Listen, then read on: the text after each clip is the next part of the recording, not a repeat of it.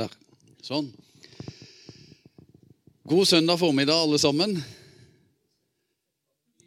Jeg heter altså Stein Bjørkholt. Og eh, jeg bor i Kristiansand. Gift med Marianne. Pappa til Johannes og Julie. Og så har jeg bodd i eh, Bergen for eh, en del eh, år siden. For Fra eh, ja Tid var det? da? 99 til 2003, eller noe sånt. Eh, Og da eh, jobba jeg i eh, noen av misjonsyrkene her i distriktet. Den tida som min gode venn og kamerat Øystein Øvergård var pastor bl.a. her i menigheten. For tida så jobber jeg som menighetsrådgiver i Misjonskirken Norge. Og det er jo i den anledning at jeg er her hit igjen. da. Og har vært på, med på Gullbotn i helga, på Ledeviken. Det var veldig kjekt å treffe folk fra flere av misjonskirkene i eh, Hordaland. da. Eh, Så der hadde vi ei god, eh, god helg sammen nå. Og så er det noe av min oppgave nå Jeg har, eh, jeg har jo tidligere vært eh, ja, pastor da, i noen år.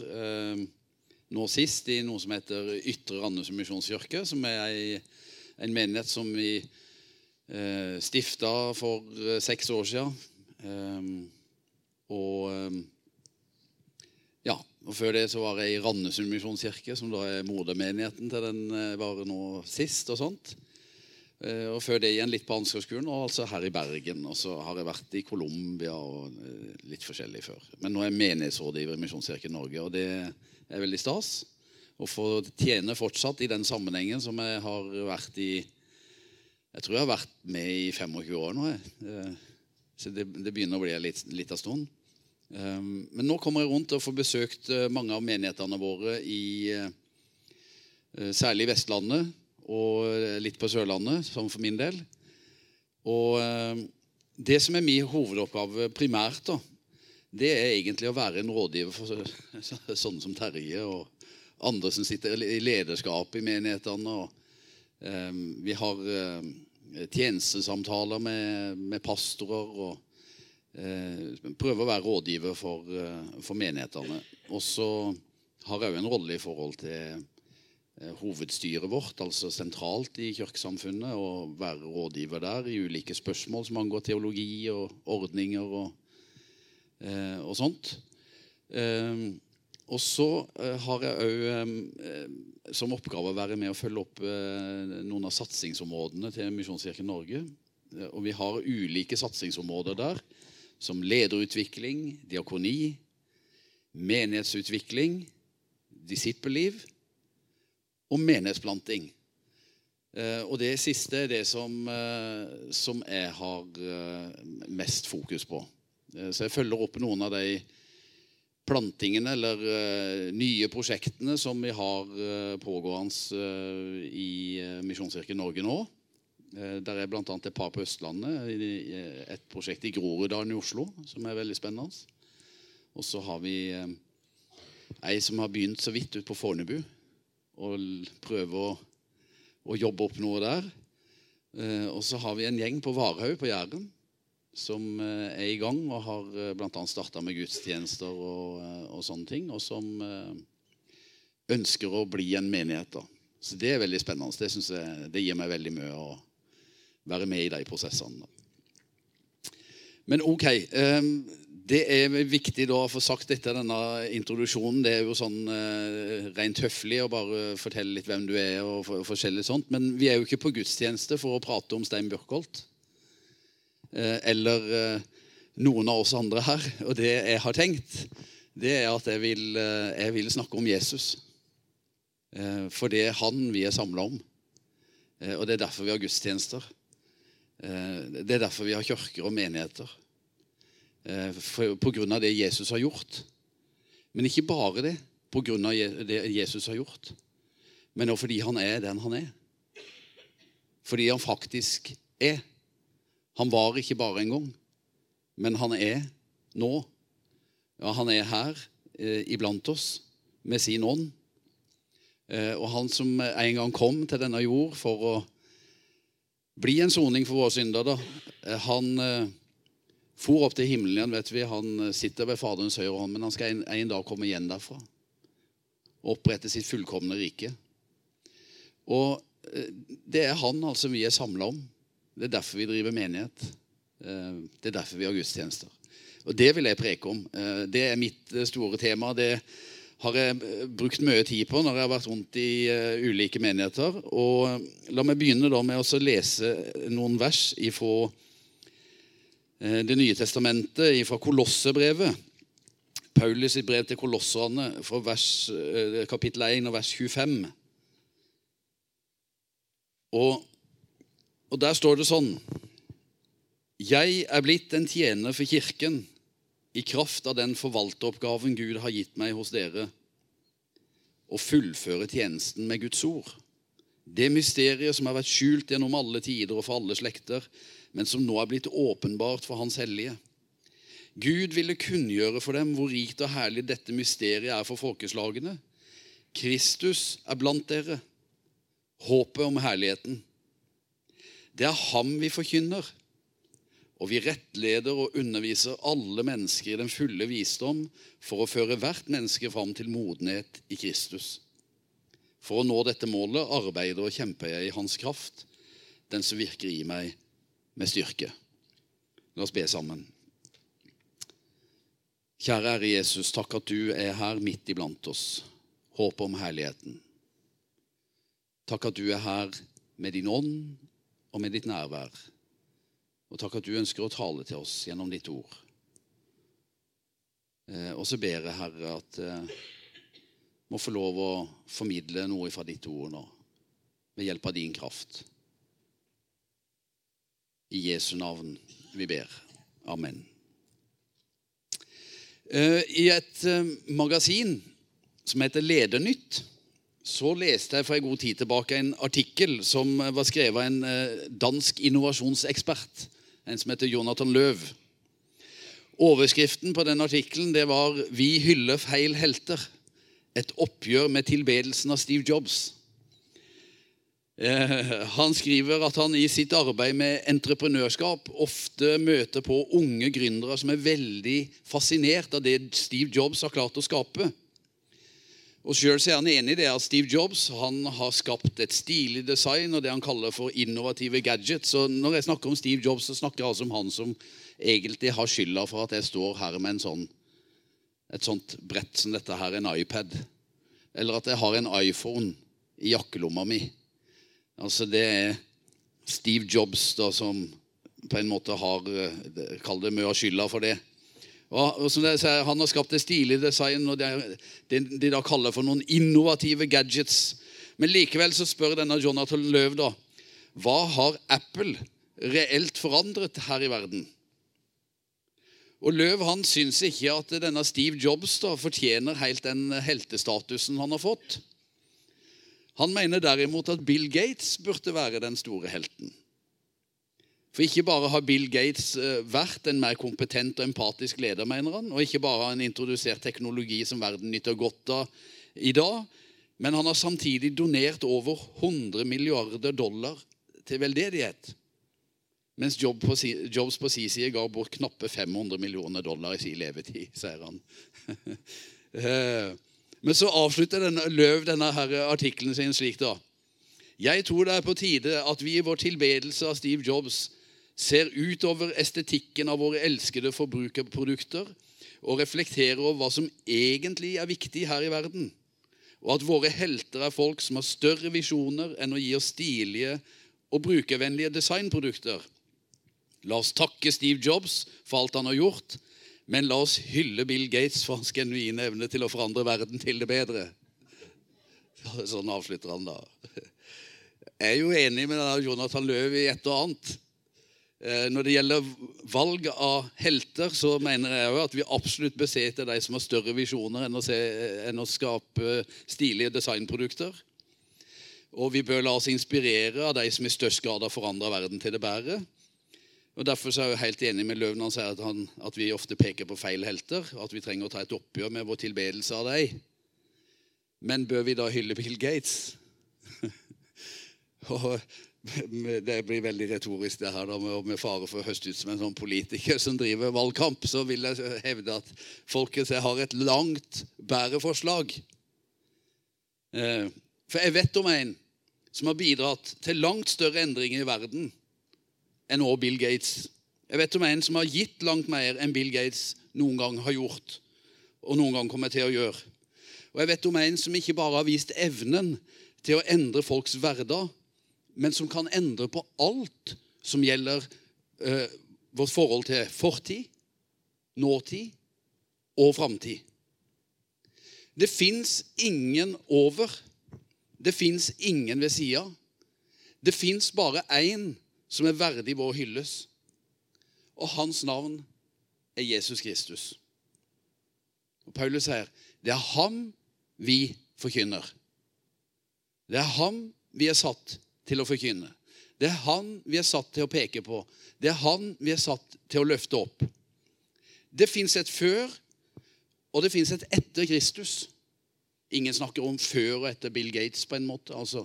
men vi refererer til dette før og etter Kristus, eh, nærmest hverdagslig.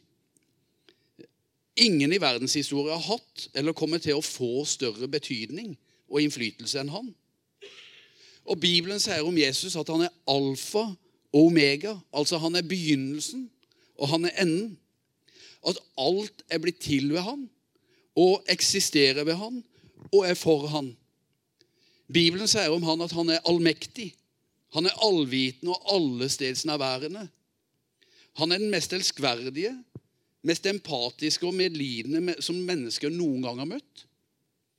Han, eh, ingen har noen gang vist større kjærlighet enn han.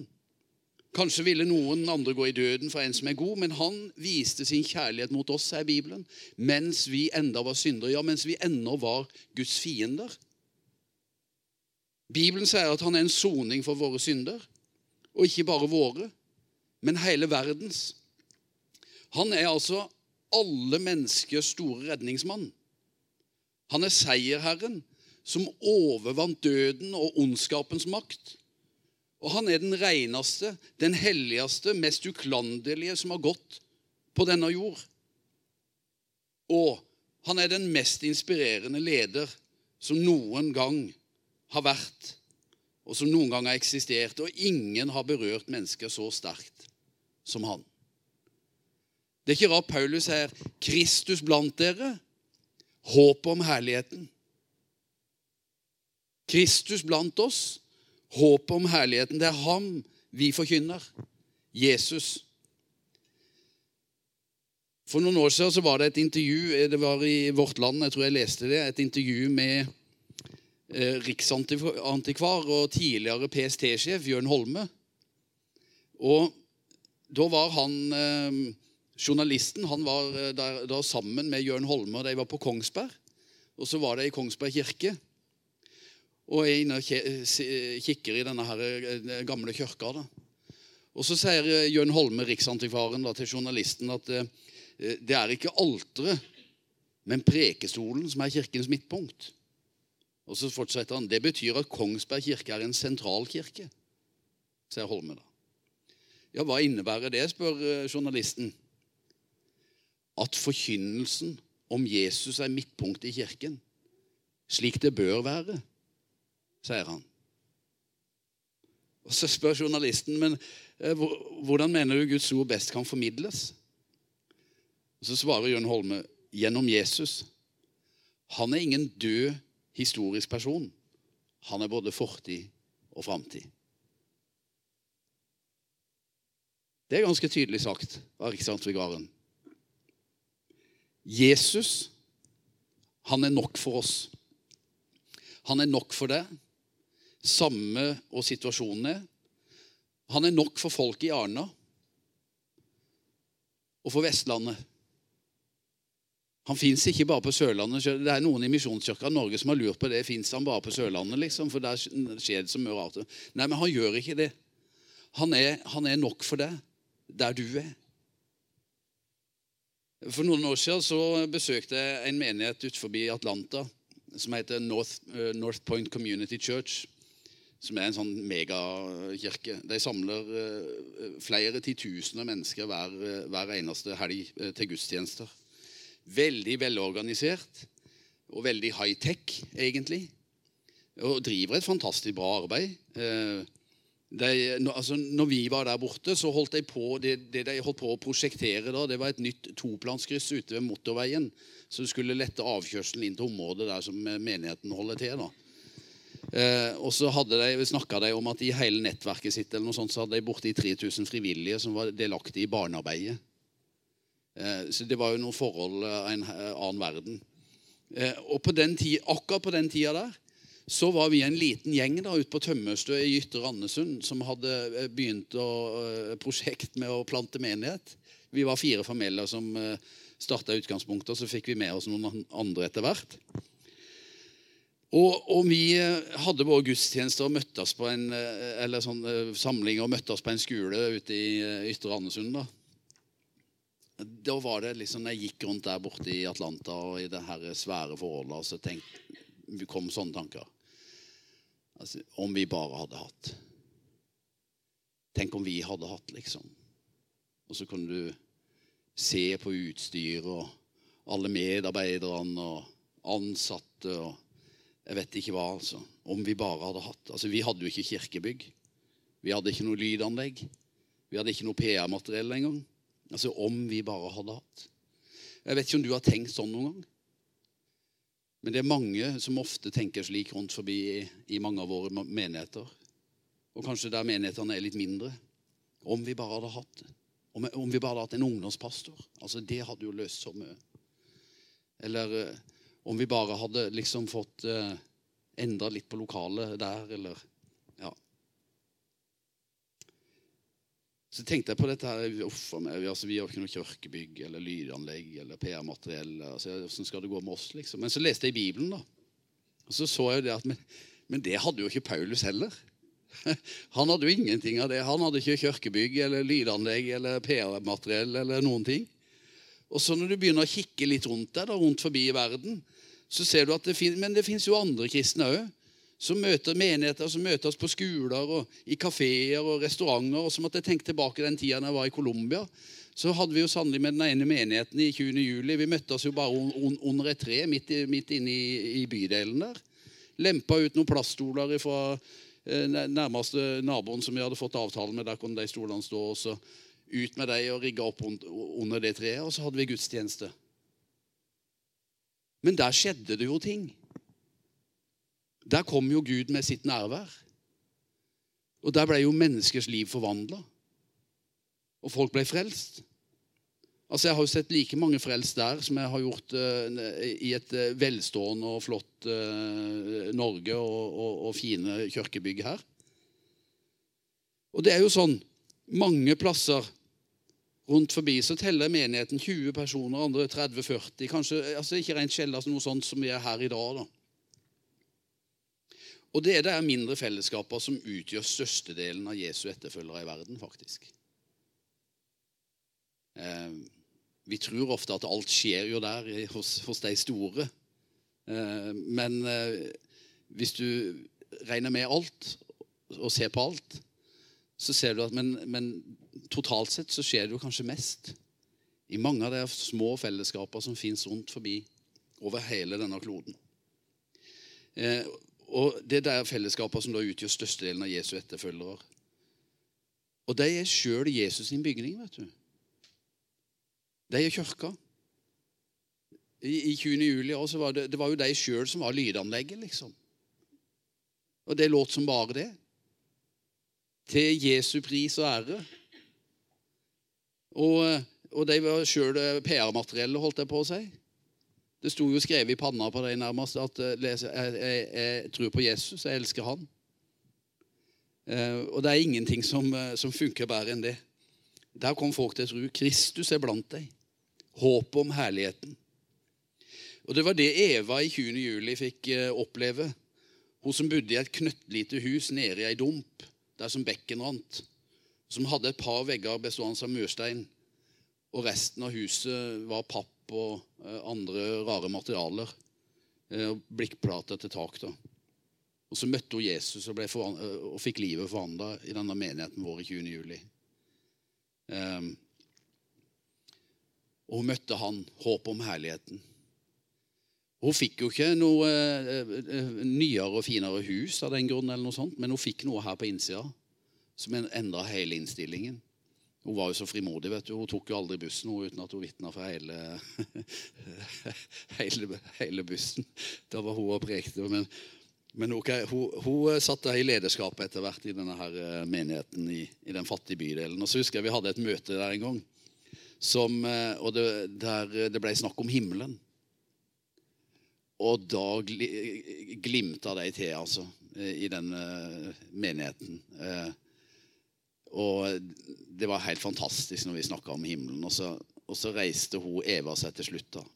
Ikke vel som bor i den Unnskyld uttrykket, men rønna i et hus. Og I Colombia så er det sånn du har sånne ulike nivåer i bydelene. altså De de er inndelt i ulike nivåer alt etter hvordan standarden er der. Så, så du har liksom fra nivå 1 opp til 6.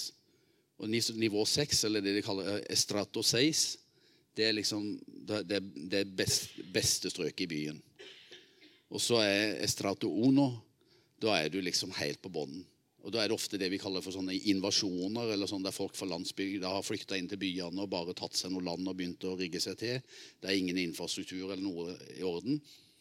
Og 20. juli hadde vært en sånn invasjon, men var blitt litt bedre etter hvert. Så den lå kanskje og vippa sånn mellom Estrato Uno og Estrato Dos, altså mellom én og to. Men det var ganske stusslige forhold der. Og så står hun, eh, Eva opp, da. Og så gleder hun seg så, vet du, til én dag.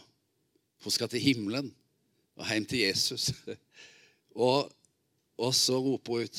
Og da blir det ikke noe estrato uno eller estrato dos eller Estrato Tres, liksom, og etter hvert som du går oppover da, på nivå 1 og 2 og 3 og det, blir, det er ikke sånn det blir. Så, så, ser du jo folk bare våkne mer og mer. og Det blir ikke Estrato Quattro eller Cinco eller Seis, men det blir Estrato Divino roper rope. Da blir det guddommelig standard. Og så tar jo hele menigheten av.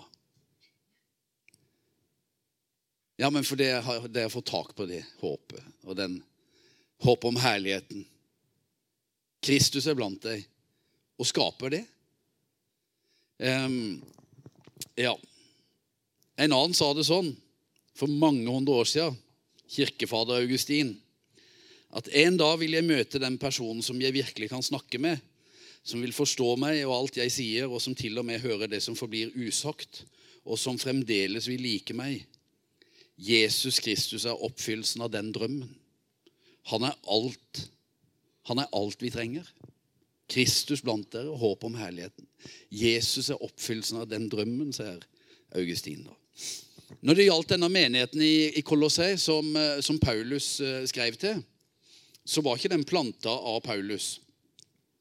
Antagelig var den starta av en som het Epafras. Uh, og muligens var den et resultat av en vekkelse i byen Efesos, en by som Paulus var i en to-tre år. Der Paulus underviste. Og så gikk antagelig evangeliet ut på en måte i distriktene rundt denne byen her. Ikke helt uvanlig, sånn som vi har sett senere i kirkehistorie òg, og som jeg eh, tror faktisk vi har fått lov å være med på i Kristiansand. Der ble eh, Salem misjonsmenighet eh, stifta en gang på 30-tallet som resultat av en vekkelse. Og så Seinere ble det planta ut menigheter i Randesund, og det har vært ute i Søgne. og Etter hvert så ble det Vågsbygd. Eh, så har, eh, når vi platta i Ytre Randesund, så ble det liksom barnebarnet til Salem igjen. Og så har vi sett mange menigheter vokse opp. Så en, Ti menigheter rundt Kristiansand. da. Men alt, alt, springer på en måte ut og er, er i kjølvannet av den vekkelsen tror jeg, som en gang kom til byen der. Litt sånn var det kanskje her òg. Paulus han skryter av menigheten. Han har hørt med om hvordan den var blitt grunnlagt. og sånne ting. Han sier jo dere har tatt imot Kristus Jesus som Herre. og Vi har hørt om deres tro på Kristus Jesus her, og om den kjærlighet dere har til alle de hellige. Så det var mye han, eh, fint han hadde hørt om menigheten. Men så kommer Paulus på noe. Han sier, han advarer mot avsporing. Og Så sier han, pass på at ingen får fanget dere. En annen plass sier han i dette brevet så la det ingen fordømme dere. Og enda en plass sier han, la ikke seierskransen bli røvet fra dere. Og, og hva er det Paulus er inne på her? Ja, du skjønner Falsk religion var i ferd med å ødelegge det som var blitt starta i Kolossei. Den menigheten som var grunnlagt på Jesus Kristus, og trua på Jesus Kristus og det han hadde gjort, og sånt, det var liksom blitt eh, tukla med. Og så var det falsk religion som var i ferd med, med å ødelegge tinga der. Og det var representert av to retninger. På den ene sida en sånn der type overåndelighet som i, i kirkehistoria ofte eh, eh, eh, kaller for gnostikerne, eh, som sneik seg inn. Og på den andre sida judaister, eller altså eh, som, som kom og forkynte loviskhet. Så du hadde, du hadde begge de grøftene der, med loviskheten og det overåndelige. Og den der faren for å spore av sånn, den har alltid levd i kirka. Det er en, en, kirkehistoriker en som heter Richard Halverson. Han, han, han har skrevet om, om, det en gang. og Han, han sier det, vi drar så lett bort fra, fra sentrum. Og så skriver han i begynnelsen var kirka et fellesskap av kvinner og menn som samla seg rundt den levende Kristus. Og så fortsetter han. Deretter flytta kirka til Hellas. Der ble den til en filosofi. Deretter flytta den til Rom, hvor den ble til en institusjon. Etter det flytta den til Europa, hvor den ble en kultur. Og til slutt beveget den seg til Amerika, der den ble til et foretak. Jeg tror han har noe for seg i den litt forenkla framstillinga. Eh, men, men eh, Kirka har alltid hatt en sånn tendens til å, å skli ut ene eller andre sida. For uh, ei tid tilbake så var det en som sa til meg i menigheten vår i Ytre Andesund at uh, han sa når jeg er på møter i Salem, sa han, inne i byen, eller i Philadelphia, uh, så, han, så, er det så mange forskjellige mennesker som kommer, at det, det eneste vi egentlig har felles, det er Jesus. det. Og så tenkte jeg, Det var veldig fint sagt om Salem. Og så stakk det litt. For det lå noe mellom linjene. Altså litt sånn med andre ord Det er ikke alltid helt sånn her hos oss, Stein. Um, og så tenkte jeg på Ja, der ligger kanskje en utfordring for oss der, særlig vi som er en sånn bydelsmenighet og veldig lokal. Kanskje kan den utfordringen nå finnes her i Arna. Men som bydelsmenighet så har vi så mange fellesnevnere. Går på, ungene går på samme skole, vi er med i samme idrettslag, handler på samme butikken osv. Vi har veldig mange felles interesser i vårt miljø, og det har vært veldig, veldig bra og veldig viktig. Og det har vært viktig i oppbygging av menigheten og alt mulig sånne ting òg. Men det kan lett da være sånn da, at uh, vi har så mye felles interesser, og det er så mye sånn sosial kapital som skal ivaretas i, i det menighetsfellesskapet, at det fort til slutt blir det samlende punktet, og ikke Jesus. Så vi blir mer en sosial klubb enn vi blir det fellesskapet som er samla om Jesus Kristus som midtpunktet og det sentrale. Det er utrolig viktig, altså. Og så tenker jeg også at Det med loviskhet det har, slått meg at det, det kan òg snike seg inn mye fortere og lettere enn vi aner. Og Jeg fikk et godt eksempel på det i mitt eget hjem. Eh, Dattera vår Julie, som nå er tolv år, hun var, og dette er flere år siden, så kanskje hun var var sånn, akkurat begynt på skolen, kanskje. Eh, og så hadde en, en, kveld hatt besøk av en fetter av meg som eh, hadde vært på trening. og Da hadde han med seg noen sånne bokser med energidrikk. Så han drakk en sånn boks med Red Bull. Og så hadde han en boks til som han ikke fikk eh, drukke opp. Da, så Den satte han bare igjen i kjøleskapet hos oss. Og Jeg har jo aldri drukket noen sånn energidrikker eller hatt det inn. eller sånn, Jeg liksom ikke kicka helt på det. Men det tydelig, var tydeligvis sånn at Ungene de har snakka litt om det. Det har sikkert vært en som snakkes på skolen og sånn, og når de var små. og Dette med energidrikk og sånn, det var ikke bare helt trygt. og Det måtte en eh, passe seg litt for å være farlig. og, og, og så, det, var det, var jo, ikke, og det, var, det, er jo ikke for små unger heller, egentlig. akkurat da. Eh, men iallfall det, det, det, det skjønt det på et eller annet vis. Og så, Men hun der dattera mi da, hun er jo litt mer sånn nysgjerrig på ting her i livet og sånn, og skal finne ut av. Så var det en, dag, en ettermiddag da, som jeg var akkurat kommet hjem, og så var hun eh, hjemme der med ei, ei venninne fra, skolen. Så kanskje hun var sånn åtte år gammel, sju-åtte år. Og så eh, på et eller annet vis har hun fått eh, lurt med seg denne her Red Bull-boksen. da. Og ned i underetasjen, eh, rommet hennes sitt der. og I gangen rett pussig av rommet sitt så, så, henger det et sånn høyt speil. og sånn. Så hører jeg hun og hun venninna holder på der nede. Og så blir jeg litt interessert i hva som foregår nå. Da. Så jeg lytter litt sånn. Og, og da har hun stilt seg opp der foran den speilen. Og så har hun åpna denne Red Bull-boksen. Og og så drikker hun av den og kikker på seg sjøl i dette speilet. og sånn. Og så, Mens hun da drikker den, så ser hun bort på venninna si, og, så, og så, ser, så, spør hun Ser jeg ut som jeg tror på Jesus nå? Og så var det sokk i meg, vet du. Altså, hva i all vide og, og, og, henne kom det fra?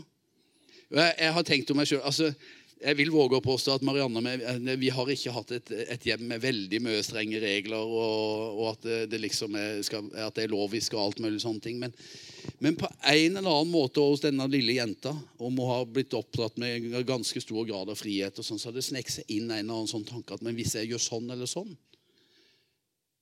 Jeg kan vel ikke tro på Jesus da? Liksom. Det bare sa meg noe om at det her loviske tankene det sniker seg så lett inn. Det er ikke hva du gjør, men hva Jesus har gjort, som teller. Og som gjør at vi blir frelst, og at vi har del i det evige livet. Det er viktig. I Amerika så var det en jeg skal snart slutte her, det var en populær forkynner en som heter Henry Ward Beecher. En søndag da en stor mengde mennesker hadde møtt opp i kirka for å høre Beecher, så var det mange som ble svært skuffa når de oppdaga at den som skulle forkynne, var en annen, for det var nemlig Henry sin bror. Og Da var det noen som reiste seg og gikk mot utgangen. Og når de gjorde det, da reiste Henry Ward Beecher seg og så annonserte han med veldig høy røst. da. Alle som kom hit i dag for å tilbe Henry Ward Beecher, kan nå forlate salen. De som har kommet for å tilbe Gud, kan bli sittende. Eh, og Det er fort gjort i kirkene våre at fokus rettes mot noen, noe annet eller noen andre enn han som skal tilbes. At vi beundrer den som forkynner, mer enn han som er ordet, f.eks. At vi elsker lovsangen mer enn han vi synger om. At vi er mer opptatt av å sammenligne oss med hverandre og feste blikket på hverandre liksom, enn å feste blikket på troens opphavsmann og fullender. Det er så lett det, at vi dras vekk i noe sånt. Og hør, og dette skal jeg avslutte med. Sjøl det å vie sitt liv til å kjempe for en god sak kan bli ei avsporing. Og det har jeg jo sett mye av rundt forbi i ulike kristne forsamlinger. Men folk kan være opptatt av klima og miljø, og det er jo viktig, og det er bra. Folk kan være opptatt av fattigdomsbekjempelse. Det er òg veldig viktig. Kreftsaken, dyrevelferd, idrett, likestilling. Det er mange saker, mange ting å brenne for her i livet. Og alle de sakene jeg har nevnt nå, så tenker jeg ja, men dette er jo bra. Problemet er jo at saken blir deg sin Gud. Eller for ikke å nevne Israel, da. Ja, men jeg er venn av Israel. Men det er ikke saken.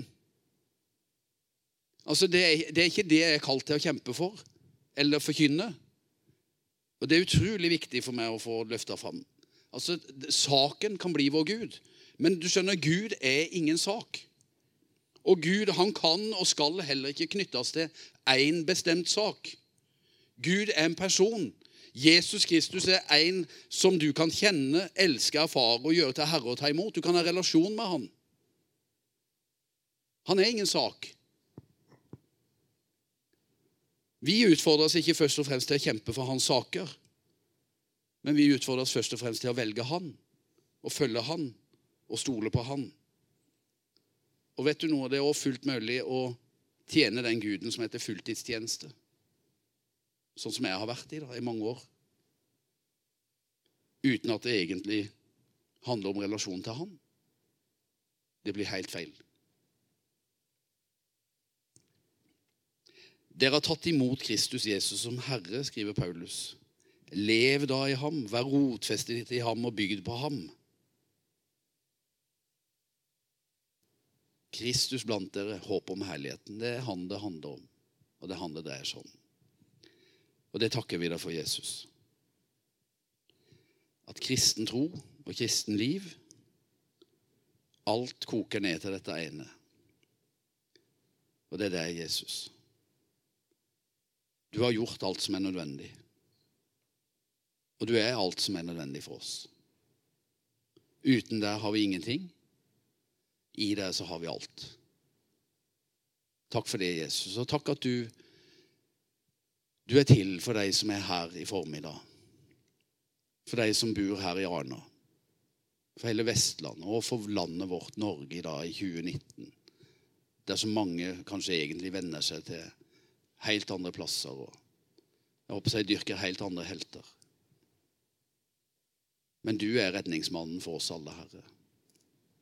Ehm, jeg har lyst til å be for denne menigheten og denne forsamlinga og den enkelte her, Herre, at, ehm, at du skal få være sentrum og det sentrale. Amen.